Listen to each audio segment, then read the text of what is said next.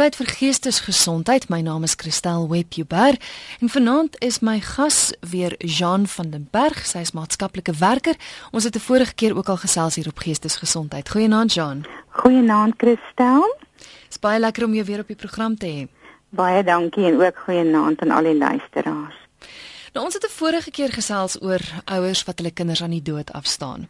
Vanaand kyk ons in 'n mate weer daarna, maar glad nie na die doodsaspek nie. Ons kyk na ouers wat ook hulle kinders verloor, maar dis as hulle besluit om hulle kinders te laat aanneem.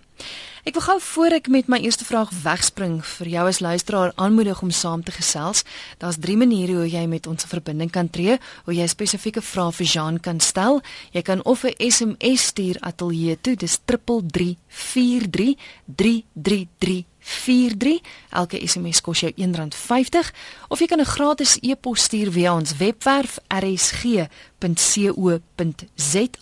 of jy kan natuurlik skakel ateljee toe om self met Jan te gesels by 089 1104553 Jy het aan my genoem dat daar word so baie gepraat oor die regsaspekte van aanneming en daardie tipe van dinge, maar vanaand gaan ons spesifiek fokus op die emosie daar agter. Wat gebeur met 'n mamma of 'n pappa wat 'n kind opgee vir aanneming? Jean, ons is so maklik geneig om mense te veroordeel wat kinders wat kinders opgee vir aanneming. Maar waarom gee 'n mamma haar kindjie vir aanneming? Wat is die omstandighede soms? Kristel, ja, dit is 'n dit hierdie is 'n baie sensitiewe uh, aspek en dis 'n baie spesifieke vraag wat jy vra maar daar's nie net een spesifieke antwoord nie. Meeste van die gevalle dan doen die mamma dit wanneer dit 'n krisis swangerskap is. 'n Krisis swangerskap is dit 'n baie jong meisie of 'n tienermeisie wat swanger word. Sy's nie in 'n vaste verhouding nie. En ongelukkig, veral in die verlede, maar dit gebeur nog steeds dan druk die ouers en die familie haar om die kindjie op te gee vir aanneming omdat hulle dit as 'n skande beskou of dat hulle nie weet wat om nou te doen nie. So die mamma gee 'n kindjie op wanneer dit 'n krisis swangerskap is. Dan is daar ook natuurlik vrouens wat swanger raak terwyl sy getroud is met 'n buiteverhouding wat dit dan ook doen. En uh dan is daar ook hartseer gevalle soos byvoorbeeld 'n swangerskap as gevolg van 'n verkrachting wanneer sy dan voel ek kan glad nie ehm um, hierdie kindjie self grootmaak nie. So daar's verskillende redes waarom 'n mamma daai besluit neem. Iets oor onmiddellike SMS deurgekom van 'n luisteraar wat sê in die 60s was daar nie berading nie en ook nie eintlik ondersteuning nie want dit was 'n skande. Niemand wou weer daaroor praat nie en die selfverwyd bly vir altyd en altyd en hoe ouer jy word, hoe erger word dit. Jean, wanneer jy 'n kind afteken en en opgee vir aanneming, is daar baie min ondersteuning. Dis dis baie mal in geheimhouding wat dit plaasvind. Hoekom is dit so dat daar so min ondersteuning is? Uh die stigma kristel. Dit is wat kom deur baie jare wat dit maar so oorgedra is. Uh dit is 'n skande gewees soos wat hierdie luisteraar vir jou gestuur het. Uh baie waar, daar was geen berading nie. Daar is nie oor gepraat nie. Ehm um, daar is baie keer definitief net vir die kind verwyder. Sy die meisie of of die uh, jong meisie of selfs as sy nou skoolkind is, was net dood eenvoudig weggestuur. Na of 'n plek toe waar waar uh, sy dan die kindjie soos hulle genoem het 'n ongehuide uh uh tuis of na 'n tante toe ver af. En daar is dood eenvoudig net glad nie met haar gepraat nie. Daar's nie vir haar gevra wat sy wil doen nie en dit het 'n stigma nagelaat. So dit was 'n skande kind as jy dit so in aanhalingstekens kan laat. Wat baie baie baie seer gebring het want die meisie het nooit iemand gehad wat haar emosies in ag neem nie. En as die baba gebore is, het sy baie keer nie eens geweet die geslag van die baba nie. En dit is 'n uh, uh, veroordeling deur die familie deur vriende en ongelukkig ook deur mense wat hulle self as die reg toegee deur hulle godsdienstsiening dat hulle net doeteenvoudig veroordelend is en dit is al klaar so swaar besluit dat die familie wil glad net nie daaroor praat nie. Jy noem nou dat die mamma dikwels nie eens weet wat die geslag is nie, want dit is ook so dat hulle nooit eers die kans het om om die babatjie vas te hou nie, nou.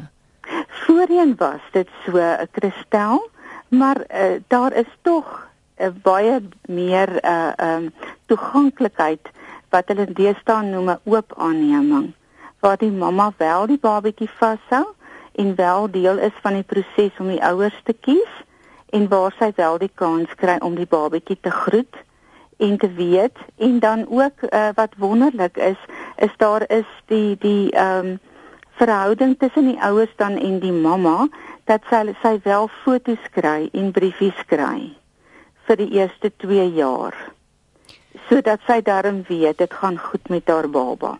En dit gee haar ook 'n uh, meer mate van berusting uh, aan die een kant uh, natuurlik weer uniek net soos wat dit maar in alle gevalle is. Nie elkeen beleef dit dieselfde nie vir party word dit swaarder. Maar dit is gelukkig het ons tog 'n uh, 'n meer menslikheid met met die aannemingsprosedures vandag as wat dit vroeër jare was Jy is ingeskakel op RSG en jy luister na Geestesgesondheid. My gas vanaand is die maatskaplike werker Jean van den Berg en ons gesels spesifiek oor die rouproses en en ook die die proses van verlies as jy 'n kind opgee vir aanneming. Ons wil vreeslik graag van jou hoor. Vertel vir ons van jou ondervinding, hoe jy dit beleef het.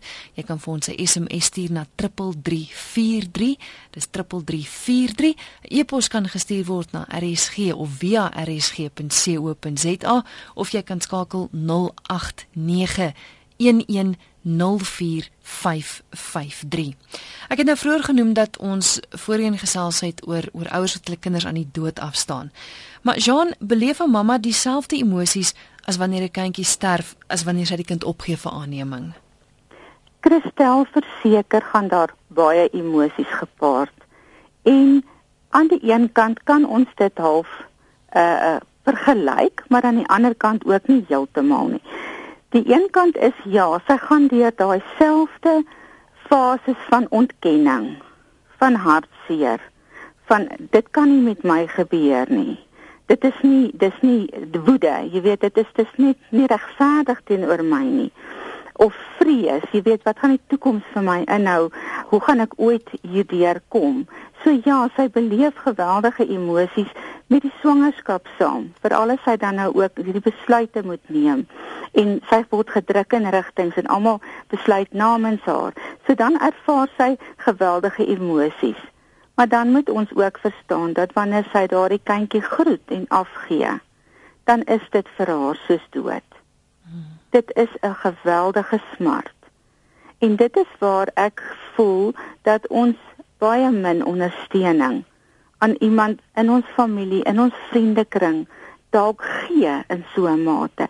En dit sal gaaf wees as die luisteraars ook ehm um, hulle ingesteldheid daarop kan verander. Want sy kom nou huis toe met leë arms. En sy moet nou maar weer gaan studeer of haar werk of wat of terug gaan skool toe. Maar in haar het sy 'n lewe ervaar en die lewe is weggeneem. So vir haar is dit die dood en dan gaan sy definitief deur 'n hele rouproses. En omdat en dit is wat dit so moeilik maak, omdat dit so ontken word, omdat dit nie met haar bespreek word nie en omdat dit daaroor gefluister word, kan sy nie 'n normale rouproses volg nie. Want hoe langer dit weggesteek is van 'n skande of sy voel in haarself selfverwyd, sy skwaad vir haarself dat sy in hierdie posisie gekom het, neem dit baie baie langer en skuldgevoelens loop natuurlik vir 'n baie lang tydperk saam met haar. So die groot ding is om te praat daaroor. Absoluut. Hmm. Absoluut. En en dan ook 'n uh, medemenslikheid te wys, omgee te wys want almal is baie bly vir die ouers wat 'n baba gekry het. Maar wie wie dink aan die ander kant aan die mammaatjie mm. en haar familie wat dalk net so ontredderd is soos sy. As hulle saam en dit is verskriklik belangrik dat hulle saam gesels en as hulle voel hulle kan nie dit alleen hanteer nie om 'n kundige in te kry om regtig saam met hulle 'n pad te stap en dan kan 'n mens sê kan sy definitief heling kry en met ter tyd weer uh, in die samelewing voel dat ek is iets werd. Maar wanneer dit nie aangespreek word nie, dan voel sy baie afgesluit en sy voel baie skaam oor haar eie mens wees. Kom ons kyk ons het twee oproepe. RSG goeienaand. Hallo. Ja. Wil jy saamgesels? RSG. Dis reg ja. Ons sê nee, ek wil my vertel. En anders het die eh uh, dokter nou vertel het. Ons het nou die teenoorgestelde beleef. My meisiekind het nou ehm um, in 'n matriekjaar swanger geraak. Mm -hmm. En ons het besluit om die kind te hou. En dit is nou die grootste geskenk wat ons as gesin nog kon kry. En sy gaan nou eh uh, studeer volgende jaar. En ehm uh, daar is niks negatief van die hele situasie nie. So daar is 'n positiewe uitweg in die hele storie. Baie dankie vir die bel. Dankie. Goed, totsiens. Ja. Jean, wie kom daar liewer? Dit is 'n wonderlike oproep want dit is dan ouers wat eerstens hulle kind eerste stel hmm. en vir haar die ondersteuning gebied het. Dit is wonderlik as hulle dan ook in die vermoë is om haar te help om die kindjie groot te maak, dan kan dit baie positief wees. Maar ons weet ook nou dat elkeen se omstandighede is uniek en dit kan dalk 'n ouer wees wat glad nie in die vermoë is nie of dat die ouers ehm um, net dood eenvoudig nie kan sien om nog 'n kind in die huis in te neem nie. So ja, maar ek is baie bly om van hierdie pappa te hoor want hier wat hy vir my hier gesê het wat wonderlik is is hierdie klein ding is 'n geskenk vir hulle. Is dit nie spesiaal nie? Mm, fantasties. RSG goeienaand. Goeienaand, hoe gaan dit? Kan nie kla nie, dankie. Skus, ek wil net ek wil graag anoniem bly, maar dit maak eintlik ook nie saak nie want dit is genesing om daaroor te praat eintlik. Ek was 15 toe ek swanger geraak het. En daai tyd moes jy nog toestemming kry by die hof om te hoor of jy mag trou. En dit was vir 'n verskriklike ding geweest. Al was my ek moes my kind aan opgee vir aanneming en dalk ehm um, dit oorweeg vir 'n abortus. Intussen is ons toe getroud met toestemming van die hof. En my kind is vandag 28 en ons het nog twee ander kinders bygehad. Uh, is seun en nog 'n meisietjie en een van ons dogtertjies is oorlede. En ek is vandag nie spyt nie, maar daar was baie keer soms is 'n verwyte omdat hierdie dinge voor 'n mens gesê is want op 'n stadium toe my dogter 21 was, het sy swanger geraak. En ek het vir gesê gaan by haar staan. Ek het haar glad nie 'n opsie gegee van enigiets anders nie, dis haar keuse gewees. Maar ek gaan by haar staan. En ek dink dit is regtig die groot ding, maar as dit 2, 3, 4, 5 keer gebeur, dan sal ek sê, okay, daar's 'n probleem, wat wel wat ek ook bevind in sekere dele van my familie. Maar ek is nie spyt nie, want ek was aangeneem en ek het my eie biologiese vader opgespoor uh 34 jaar na die tyd. En weet jy wat? Vandag wil ek nie eintlik met hom iets te doen hê nie van my stiefpa het ons mooi groot gemaak maar soos ek sê gee julle kinders die keuse. Wees eerlik met hulle oor seksuele dade. Baie kinders weet nie van hoe dit werklik werk nie. Hulle dink dit gaan oor jy doen dit en jy kan nie swanger raak nie. Maar om 'n kind weg te gee los 'n leemte Dit los 'n leemte van ek wonder waar is sy? Is sy toe het sy kos of het hy kos? So ek sê dankie. Dankie vir wat ek vandag gemaak gegaan het en ek is trots op my kinders. So geniet die aand en ek bid vir hulle. Baie dankie anoniem. Baie dankie. Lekker aand. Selfde vir jou. Totsiens. Tata. Ja, dink Jean sê dit aan die begin gesê, dis genesend om daaroor te praat. Absoluut. Absoluut, ja. Christel, weet jy, en soveel van ons seer kry en soveel van ons emosionele probleme is te wyte daaraan dat ons nie gesels daaroor nie. Ehm um, wat vir my baie interessant is van haar oproepie, eerstens sy is 'n aangenome kind. So dit moes sekerlik dan by haar uh iets gelaat het van toe sy die keuse gehad het om te besluit op 15 om liewer te trou en haar kind groot te maak. So 'n mens moet altyd jou omstandighede en jou vorige ervarings ook in ag neem uh, by sulke besluite. Maar dit is wonderlik dat sy die kans kon kry om dit te doen. Ek dink vir daardie jare was dit sekerlik hoogs uitsonderlik. So wonderlik dat sy haar dogter ook um, dan self kon grootmaak en ook dat sy daaroor kan praat, dit is wonderlik, maar sy het die waarheid gesê. Gesels met jou kind. Berei ons kinders voor. Ons is in 'n heeltemal 'n nuwe era en ons kinders alhoewel hulle hoe ingelig is oor alles, is hulle nie heeltemal altyd seker hoe dit werk nie. So dit is belangrik en dit is dit dit bly die kruks van die hele uh gesinstruktuur is. Wees daar vir jou kind in watter omstandighede. Wees eerlik met jou kind. Dit kan so 'n groot verskil maak. Maar baie dankie anoniem. Dit was 'n goeie uh ander kant wat die luisteraars ook kon hoor. Er is geen goeie hand. Er is geen goeie hand. Ag my naam noem. Ek is Willie Barnard van Kuruman, né? Ja, Willie. Ek is 'n aangenome kind. Nou ek is nou al 70 jaar oud, né? Ek was so 'n maand of wat gelede, ekskuus tog 70 jaar oud. En uh soos ek gehoor het deur die jare, my my my biologiese moeder was 14 jaar oud en my pa was 'n offisier of iets in die Britse vloot in die oorlog by 1942, né? En uh ek kon net iets sê as 'n kind aangeneem is, dat hy van kleins af op 'n manier dat hy nie soos ek dit by die skool hier staan 'n 3 4 van stories afhoor nie. En toe ek nou my aangenome moeder, ek daar was geen iets soos aangeneem geweet. Sy sê sy vir my ag nee, dit is nie so nie. Maar later het sy my vertel as dit nie vir jou was nie, het ons nie vir sussie gehad nie. Dis nou is sy is 11 maande jonger as ek. So ek soek nog wel ek soek nie meer na my biologiese ma of so nie. Maar wat ek sê is net dat wees altyd eerlik mm. en uh maar ek het baie mooi dinge gehoor vanaand en ek dog toe nee ek moet ook net iets sê. Baie dankie Willie, ek is baie bly jy het geskakel want ek dink dit gee ook weer vir ons 'n hele ander perspektief van die kind wat aangeneem is. As jy baie dankie hoor. Dankie Willie, hoor. Mooi aan vir julle. Dankie. Ja, Jean, ek ek dink so weer eens praat daaroor. Soos wat hy sê, vertel van kleins af die waarheid dat 'n kind nie eendag met skok agterkom maar, "Jog, ek's aangeneem nie."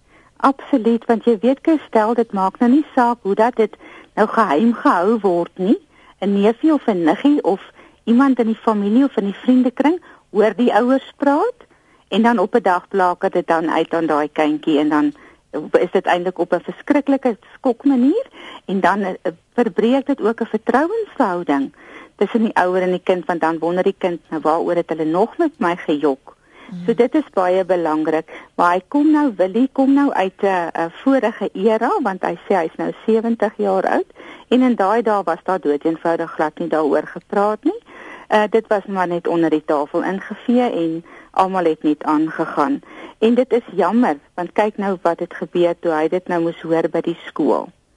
Weereens op vandag, ehm um, die ou die kinders wat jong kinders wat dan nou babetjies kry of die mammas wat berading kry, word uh, dan nou ook ehm um, baie definitief ingelig. Jy weet dat daar gaan eerlikheid wees.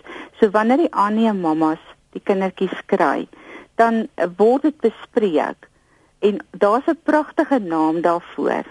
Hulle praat van daar's 'n dramamma en dan die eie mamma. En die dramamma is dan die enetjie wat die babatjie biologies in die wêreld gebring het. En die kindertjies word vandag uh op die meeste gevalle wanneer dit nou deur die uh, kanale van 'n goeie aannemingsorganisasie gaan, dan word die aanneemouers aangemoedig om hulle kindjies baie vroeg al te vertel dat hulle kom van 'n dramamma af. En dit is vir my baie spesiaal mm. want dan gaan daar nooit oneerlikheid wees of 'n skok of 'n 'n 'n vertrouensverhouding wat gebreek word nie. So Willie, ja, jou bydrae is baie baie positief. Jean, ek hoop jy sal kan help met met die volgende SMS. Dit is dis luisteraars wat regtig jou hulp nodig het. Ek is Pieter en my vrou Anina het ons kinders in pleegsorg gesit want daar's geweld en gevloekery. Ons mis hulle, maar gelukkig sien ons hulle elke donderdag. Ons is besig om hulle terug te kry, maar wat kan ons doen want ons het nog 2 jaar tyd en ons wil hulle nie laat nie laat aanneem nie. Dit voel vir ons ons ken hulle nie meer nie of hulle ken ons nie meer nie. Wat moet ons doen? Ehm um, daar sê hulle sê nie daar hoe oud die kinders is nie. Nee, uh, ongelukkig nie. Alraai. So want dit kan ook natuurlik nou maar 'n 'n verskil wees in watter ouderdomsgroep dit is. As die kinders baie klein is en kleutertjies is, dan is dit so dat die kinders uh met die die die persoon wat hulle versorg, dan nou meer 'n band vorm uh, as hulle groter is en hulle is nou al in die skool en hulle kan die omstandighede verstaan, dan dan kan die ouers uh, met hulle met briefies of met baie spesiale uh, as hulle hulle op 'n donderdag sien 'n baie spesiale gesprekkies en en iets saam met hulle doen wat dan die kinders weer dat weet maar volgende donderdag kom ons. Maar as dit nou baie klein kindertjies is wat nie daai begrip kan hê van 'n week vorentoe nie, dan kan dit gebeur dat die dat die dat die kinders meer uh, assosieer met die versorging met die pleegouers. So dis 'n bietjie 'n moeilike een om nou net vir hulle spesifieke antwoord te sê. Maar die een ding is wat baie belangrik is, is moet net nooit 'n besoek, 'n kontakbesoekie oorslaan nie. Maak dit 'n baie spesiale ene. Dit gaan nie oor geskenkies nie. Dit gaan nie oor eetgoed nie. Dit gaan absoluut oor 'n uh, spesiale bandjie bou met daai kind. En ehm um, soos ek sê as hulle dan ouer is, dan kan hulle dalk 'n briefie los. Uh en ook mo moontlik met 'n maatskaplike werker en die pleegouers want daar sal 'n maatskaplike werker dan ook natuurlik in die proses wees. Met hulle saam dalk sê ons wil graag met julle 'n uh, vergaderingkie hou want ons het hierdie probleem. En ek dink dan tussen die maatskaplike werker en die ouers en die pleegouers kan hulle een of ander iets uitwerk dat die pleegouers in daai week wat hulle hulle nie sien nie, miskien sekere uh gebare vir hulle doen as hulle klein is of met hulle gesels en hulle herinner aan pappa en mamma gaan weer kom. Daar moet 'n uh, daar moet 'n samegesprek wees en ek is seker dan kan hulle op daai manier uh, hulle hulle band met hulle kinders versterk eerder as wat dit verlore gaan. Ek vertrou dit kan vir hulle ietsie help. Jy is ingeskakel op RSG en jy luister na Geestesgesondheid. My gas is die maatskaplike werker Jean van der Berg en ons gesels oor die verlies wat ouers ervaar as hulle kinders opgee vir aanneming. Jean, hoe raak hierdie besluit van 'n mamma wat besluit om haar kind op te gee vir aanneming die res van die gesin? Ja, Christel, dit is 'n 'n groot 'n groot besluit. En dit hang natuurlik ook af hoe is die ondersteuning in die gesin. Indien sy 'n ondersteunende gesin het soos 'n ouers, broer of suster of ouers, dan sal dit vir hulle ook swaar wees, maar hulle sal dan saam met haar daardeur kan gaan. Ons moet ook onthou dat daar's nog uh mense wat geraak word deur so besluit. Daar's oupas en oumas wat nie die voorreg gaan hê om daai kleinkind te leer ken en te geniet nie. So dit kan 'n baie groot impak op op die gesin hê. En daarom is dit belangrik dat hulle met mekaar kan gesels en as hulle berading nodig het, iemand kry wat vir hulle deur die proses help. Kan ook 'n groot impak hê op die vriende.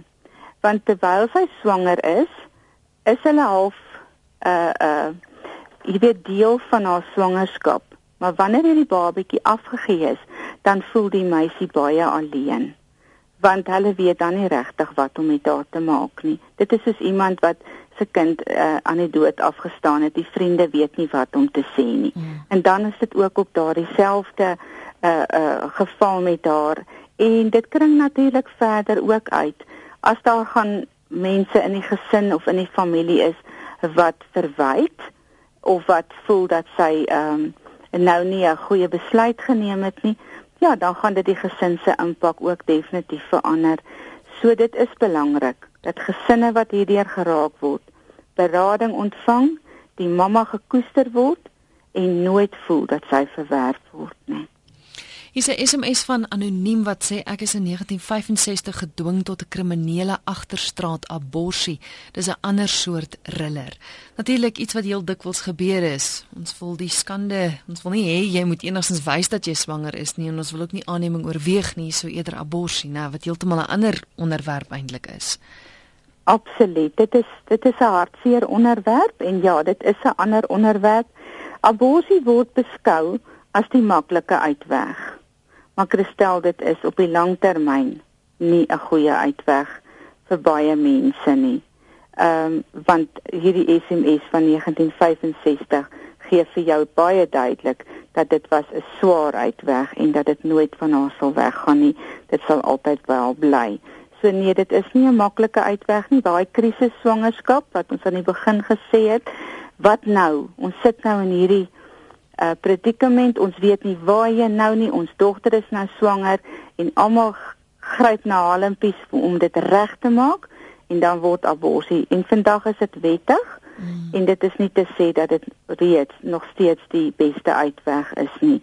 Dit is 'n uitweg wat baie spesifiek ook met berading moet gaan, want sy moet weet al die gevolge en nagevolge oor baie jare vorentoe voordat so 'n besluit gemaak word. Nog 'n luisteraar sê, nou wat van my wat 20 jaar later hoor dat ek aangeneem is? Dit het my verpletter, ongeag hoe goed my pleegouers my grootgemaak het. Ek wil nie kinders hê nie. Ja. Dit is die hartseer van aanneming. Geheimhouding en ontkenning. En dan natuurlik as dit uitkom, die ongelooflike teleurstelling, daar's al die jare vir my gejok. Dit is die die hartseer van 'n tyd toe dit nie genoem word nie die feit dat sy nou voel dat sy kan wil nie eers kinders hê nie want dit is vir haar 'n te groot skok. Ek wil graag vir hierdie mamma, vir hierdie vroutjie sê om 'n mamma te wees is een van die grootste geskenke. En dit sal baie baie raadsaam wees om regtig iemand te vind wat jy 'n pad mee kan loop voordat jy uiteindelik so besluit neem. Want daar is 'n pad deur hierdie vreeslike skok wat jy 20 jaar later er, uh, ontvang het en daar is 'n pad wat jy kan stap met iemand om regtig by die punt uit te kom dat jy die wat vir jou gejok het kan vergewe en dat jy jouself in die proses goed leer ken en dan sal jy 'n goeie besluit vorentoe kan maak. Maar ek is baie jammer oor dit wat jy moes ervaar want ek kan my nie eers indink hoe swaar dit vir jou moet wees nie. Maar wees gerus, jy kan hierdie een ook deurstap en onthou net, 'n mens word sterker deur deur uh, te groei in 'n proses wat jy aanvanklik dink ek gaan nooit hierdeur kom nie. Want jy gaan aan die ander kant uitkom en absoluut 'n wonderlike wonderlike bydrae kan weer gee vir die res van die samelewing om jou. Ek het nog 'n SMS van 'n anonieme luisteraar gekry. Ek het swanger geraak met my eerste kind toe ek 17 was. Die pa het weggehardloop. My eksman het my bygestaan deur die hele swangerskap en het toe my dogtertjie op sy van aangeneem. Maar hoe vertel ek haar wie haar regte pa is? Sy is nou 9 jaar oud. Christel, ja. D dit gaan dit gaan ook vir die mamma weet hoe dat haar verhouding met haar kind nou is. Dit is belangrik dat sy en haar dogtertjie kan gesels sonder dat dit vir haarself vir die mamma self 'n bedreiging voel. So dit gaan 'n 'n bietjie kreatiwiteit van haar kos om te sien sy ken haar dogtertjie. Sy gaan sien uh, wat is dit wat vir haar belangrik is en in daai gesels kan sy vir haar vertel want eerstens gaan sy natuurlik nou vir haar moet uh vertel van 'n biologiese mamma en 'n biologiese pappa en soms gebeur dit dat 'n biologiese mamma en 'n biologiese pappa nie saam bly na die babatjie gebore is nie wat nou in haar geval gebeur het. En maar sy het 'n instaan pappa gekry want hierdie pappa het haar eintlik as sy eie aangeneem. So ons kan ook maar weer praat van 'n draapap, 'n draamamma en 'n en 'n eie pappa en dan 'n pappa wat my groot gemaak het. So dit gaan maar afhang van watter terme sy mee gewoond is en hoe dat sy na dogtertjie kommunikeer, maar dat sy moet daar eerlik moet wees. Dit het ons nou by die ander luisteraars gehoor. Dit gaan baie belangrik wees en sy moenie dit vrees nie. Ek dink sy kan haarself maar so 'n bietjie verskillende uh boekies lees en so 'n bietjie verskillende terme kry en daarop 'n storie vertel. Weet jy, met kinders kan jy met 'n met 'n storie uh baie baie uh, 'n goeie oordra en die storie kan jy dan sê nou onthou jy die storie wat ek jou vertel het? Kom ek jou vertel wat dit regtig met jou gebeur en en integreer dit met 'n storie. Dis nou maar 'n voorbeeld maar ek is seker sy sal wel 'n manier vind om met haar te gesels Hier is 'n luisteraar wat sê ek is geskei my ex is pas oorlede ek wil nou my kind laat aanneem ek kan nie sorg nie wat nou die seun is 8 jaar oud OK. Ja, dit is nou weer 'n ander ehm um, 'n noodkreet. Hmm. Want om 'n 8-jarige kindjie af te gee is nie 'n babietjie. Die kindjie is nou al so geheg aan jou soos wat jy aan hom is. Ja. Die eerste 'n uh, eh, 'n uh, eh, vraag wat 'n mens sal vra is, is daar niemand in die familie wat dalk bereid sal wees om pleegsorg vir hom te gee nie. Met ander woorde dat daar nog genoeg kontak kan wees, maar iemand anders se huis en iemand anders se finansies kan help om hom groot te maak. En moontlik kan haar omstandighede dan in 2 jaar, want pleegsorg gaan so oor 2 jaar wat die hof dit toestaan en dan word dit weer hersien. So moontlik dan vir haar kans gee om uh beter te voel vir al nou dat sy skielik enkel gaan wees en dit vir haar nou 'n groot probleem is. Maar as daar dan nou niemand is vir pleegsorg in die familie nie, sou ek die tweede pleeg uh aanbeveel dat die maatskaplike werkers vir hulle pleegsorg reël. Want daar's wonderlike pleegsorgouers landwyd wat huise oopmaak, hulle harte oopmaak, hulle liefde gee en so kindjie sal inneem sonder dat sy die kindjie 100% laat aanneem en afteken en geen kontak het nie. Want ek dink op die 8-jarige ouderdom kan dit traumaties wees vir beide ja, kante. Ja, ek wil nou net sê want daardie seentjie gaan outomaties ook deur 'n vorm van berading moet gaan want ek meen hy gaan tog nie verstaan hoekom hoekom hy nou skielik nie meer by sy ma kan bly nie. Absoluut, absoluut. So dit gaan gepaard gaan met met uh hulp van 'n maatskaplike werkster al die pad. Dit is vreeslik belangrik en daarom as sy nog kan kontak hê met hom en nog vir hom kan besoek, gaan dit die proses baie makliker vir beide kante maak. Ek wou net ons het vroeër gepraat oor Pieter en sy vrou en jy het nog gevra wat die kinders se ouderdom is. Nou ja. Pieter sê hy het laat weet die oudste enetjie is 1 jaar en 8 maande en die ander een is 7 maande. So hulle is nog redelik klein. Mm, dan kan ons verstaan hoekom dit vir hulle voel of die kinders hulle nie mm uh hulle verloor hulle want hulle is so klein. So in in hierdie geval omdat hulle so baie klein is moet hulle ag is dit vir hulle net 'n absolute aansporing om in hierdie 2 jaar wat hulle in pleegsorg is so hard as moontlik te werk aan alles wat wat uh, nodig is om hulle weer terug te kry by hulle. Maar dan kan hulle elke week net daai liefde gaan gee. Dit is dis belangrik van hulle kant af. Die kindertjies word goed versorg en hulle sal natuurlik met hulle pleegouers meer bind maar hulle gaan op 2 jaar of as hulle 3 jaar oud is en terugkom na Pieter hulle toe dan gaan hulle 'n wonderlike verhouding weer kan mee voortgaan want hulle gaan hulle mos elke week sien maar dit is 'n klein uh, dis baie jonk kindertjie so dis ongelukkig sodat hulle nie met hulle kan gesels op 'n vlak wat hulle dit kan verstaan nie maar baie sterkte Pieter en Anina Stem gaan nog 'n oproep. RSG goeienaand. Is dit nou ek wat op die lug is? Jy's op die ja. Ek vra dit nou klank van twee kante. Ehm um, ek verkies om anoniem te bly. Ehm um, finansie bespreking het gelukkig nie is nie van toepassing op my omstandighede. Ek sê dis nie daarom wat ek bel nie, maar ek bel as 'n oud koerantmens wat nog vryskut skryf. Ek wil net verdien maatskaplike werkster en vir haar beroep het mens oneindig waardering en alles wat daarmee saamgaan aan die hand doen om meer van die media gebruik te maak as hulle ooit so iets as 'n vrye minuut in die dag het. Ek was bevriend en is bevriend met maatskaplike werksters, werkers en oud maatskaplike werkers en ek assosieer hulle met berge van werk uh, ek sê dit baie opreg, maar om hierdie is nou bietjie laat om die vorige geslag, vorige geslag kom ons sê maar Suid-Afrikaners, eintlik bedoel ek Afrikaners, die wat ek eintlik wil sê is hoogheiliges, maar ek gaan dit nie regtig sê nie. Wat soveel maak is sulke wonderlike kerkmense is en so onkristelik opgetree het op baie terreine.